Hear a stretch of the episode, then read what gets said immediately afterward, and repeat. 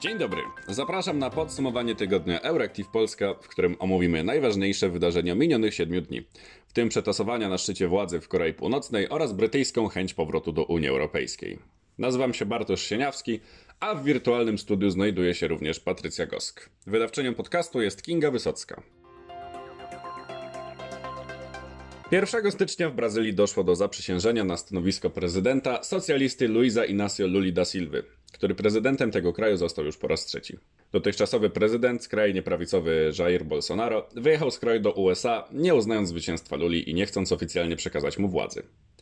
Lula konkretną część dnia swojego ponownego zaprzysiężenia przeznaczył na wygarnięcie poprzednikowi szeregu błędów, takich jak autorytaryzm, nieodpowiedzialność w walce z COVID-19, niszczenie Amazonii i rozbudzenie rasizmu w brazylijskim społeczeństwie. Rasizm Bolsonaro dotknął szczególnie rdzennych Amerykanów mieszkających w Brazylii. Licząca około miliona przedstawicieli społeczność cierpiała ze względu na chociażby rabunkową wycinkę lasu amazońskiego, w którym mieszka wiele plemion. Bolsonaro nie dość, że wycinkę na wycinkę przyzwalał, to jeszcze zachęcał zagraniczne korporacje do jak najszybszego wycinania amazońskich drzew. Ale to już nieaktualne. Lula już pierwszego dnia swoich rządów przyznał rdzennym Amerykanom zasłużone miejsca w swoim rządzie, powołując m.in. Ministerstwo do Spraw Rdzennej Ludności, której ministrą została autochtonka Sara Guajajara, aktywistka na rzecz praw Indian. Specjalną rządową fundację zajmującą się sprawami rdzennej ludności Brazylii zarządza od początku roku Genevieve Pihana, rdzenna Amerykanka i prawniczka.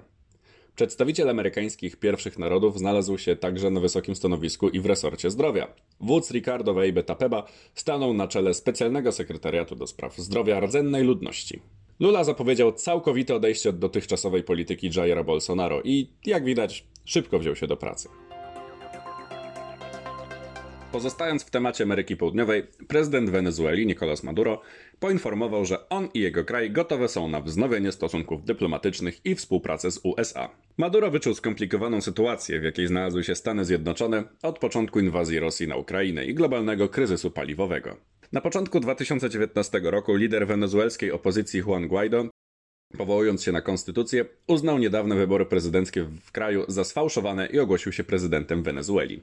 Jego deklarację uznało aż 50 państw na świecie, w tym Brazylia, Unia Europejska i USA, z którymi Wenezuela zerwała relacje dyplomatyczne w reakcji na ten ruch. W Sylwestra 2022 Guaido został odwołany przez opozycyjne Zgromadzenie Narodowe z nieoficjalnej funkcji. USA, szukające partnerów paliwowych w dotychczasowych rywalach i przeciwnikach, przykuły uwagę Nicolasa Maduro, który ogłosił, że liczy na przejrzenie Waszyngtonu na oczy i wznowienie współpracy. USA wysłały do Wenezueli w zeszłym roku swoich emisariuszy, a w ostatnim czasie zgodziły się także na funkcjonowanie w kraju Maduro spółki paliwowej Chevron. Od polityka. 31 grudnia w wieku 95 lat zmarł niemiecki kardynał Józef Ratzinger, emerytowany papież Benedykt XVI. Od świąt Watykan informował o coraz gorszym stanie zdrowia byłego biskupa Rzymu, pełniącego pontyfikat w latach 2005-2013. Następca Jana Pawła II zmarł w Watykanie na choroby spowodowane podeszłym wiekiem. Do historii przejdzie jako jeden z bardziej konserwatywnych przywódców współczesnego kościoła katolickiego. Ratzinger urodził się w 1927 roku w Bawarii. Jego rodzina musiała często przeprowadzać się ze względu na antynazistowskie poglądy ojca papieża.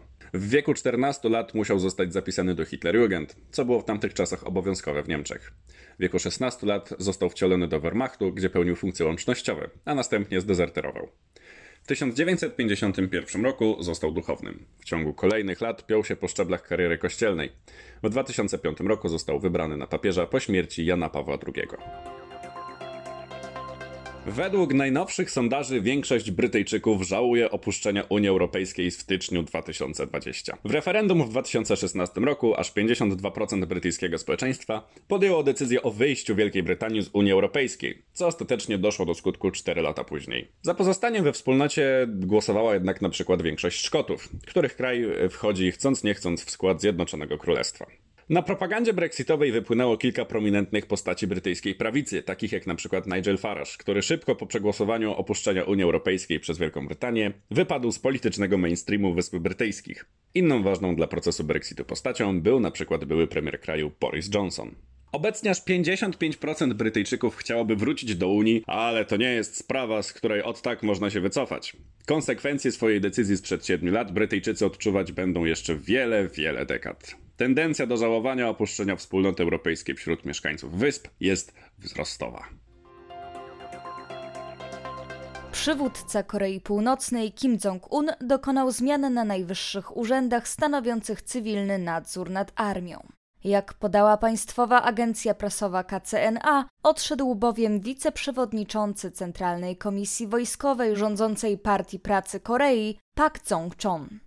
To urzędnik numer dwa nie tylko w strukturach wojskowych Korei Północnej, ale w ogóle w północno-koreańskim systemie władzy, w którym Kim Jong-un jest nie tylko najwyższym przywódcą, ale także przewodniczącym PPK, szefem partyjnej Centralnej Komisji Wojskowej oraz naczelnym dowódcą koreańskiej Armii Ludowej. Do zmiany doszło także na najważniejszym stanowisku mundurowym szefa sztabu generalnego KPA, pełniącego dotychczas te obowiązki generała Ritei Sopa, zastąpił minister bezpieczeństwa społecznego Pak Su-il. Nowym szefem tego resortu został natomiast Rite Sopa. Panowie więc wymienili się stanowiskami. W ocenie południowo-koreańskiej agencji informacyjnej Yonhap rotacja na najwyższych stanowiskach w Korei Północnej w ostatnich latach przyspieszyła, a jest to sposób, w jaki Kim Jong-un chce wymusić lojalność swoich najważniejszych podwładnych, którzy mają nie znać dnia ani godziny na swoich stanowiskach. Ponadto Pjongjang ma rozpocząć pracę nad stworzeniem nowej generacji międzykontynentalnych pocisków balistycznych, które mają przenosić potężniejsze głowice. A to zapewne oznacza dalsze wzmożenie północno-koreańskich testów rakietowych.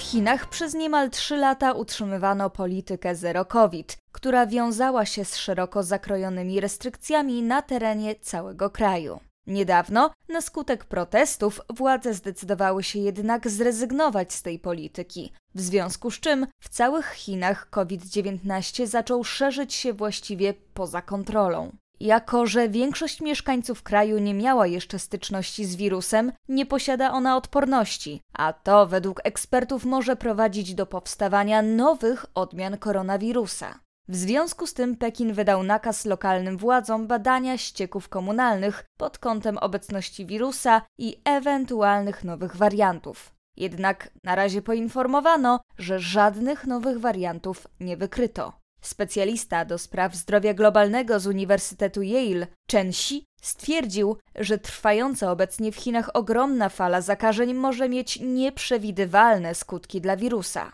Według niego w Chinach jest bardzo wiele osób z obniżoną odpornością, które mogą być zakażone przez wiele miesięcy, a to może wytworzyć warianty budzące zaniepokojenie.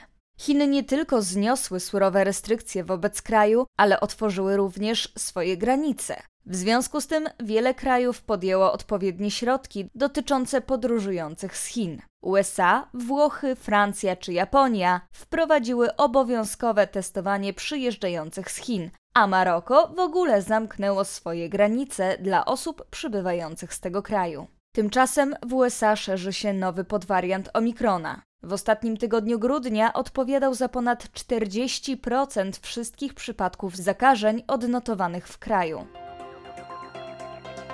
Prezydent Bułgarii powierzył misję utworzenia nowego rządu kandydatowi rządzącej do lata ubiegłego roku centrowej partii Kontynuujmy Zmiany. To już druga próba stworzenia gabinetu rządowego po jesiennych wyborach. Prezydent Rumen Radew zatwierdził wysuniętego przez Kontynuujmy Zmiany profesora Nikołaja Denkowa na kandydata na premiera. Przedstawił on bowiem nowy projekt koalicji. W jej skład miałyby wchodzić centroprawicowa Demokratyczna Bułgaria, lewicowa Bułgarska Partia Socjalistyczna oraz nowa centrowa formacja Bułgarski Postęp.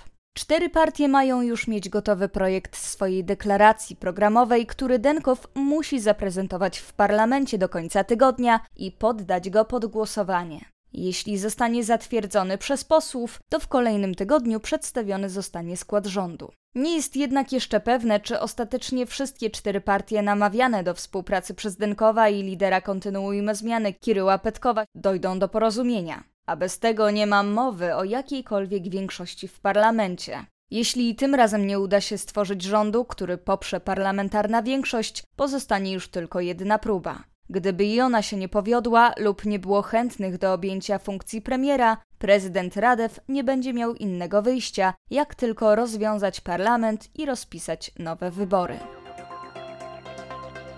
3 stycznia Pekin potępił obowiązkowe testowanie podróżnych z Chin na obecność koronawirusa, nazywając je dyskryminującymi, nieadekwatnymi oraz nieakceptowalnymi. Nie wierzymy, że środki ostrożności podejmowane wobec podróżnych przybywających z Chin są oparte na nauce. Stanowczo sprzeciwiamy się wykorzystywaniu wirusa COVID w celach politycznych. W zależności od sytuacji podejmiemy odpowiednie działania, opierając się na zasadzie wzajemności. Poinformowała Mao rzeczniczka chińskiego Ministerstwa Spraw Zagranicznych. Grupa zarządzania ryzykiem spotkała się 2 stycznia i zdecydowała, że należy podjąć jednolitą decyzję na poziomie Unii Europejskiej. Mimo, że Belgia alarmuje o sytuacji związanej z koronawirusem, to nie zdecydowała się na wprowadzenie obowiązkowych testów dla podróżnych z Chin. We wtorek Europejskie Centrum Zapobiegania i Kontroli Chorób stwierdziło, że warianty krążące w Chinach były już rozpowszechnione w Unii Europejskiej. Oznacza to, że wirusy nie stanowią wyzwania dla reakcji immunologicznej obywateli. Organizacja potwierdziła również, że mieszkańcy Unii mają stosunkowo wysoką odporność i wskaźniki szczepień przeciwko COVID. Nazwała również ograniczenia nakładane na turystów z Chin nieuzasadnionymi, opierając się na wysokim wskaźniku szczepień w Europie. To już wszystko w dzisiejszym podsumowaniu tygodnia Euractiv Polska. W imieniu całej redakcji życzę Państwu udanego weekendu. Do usłyszenia.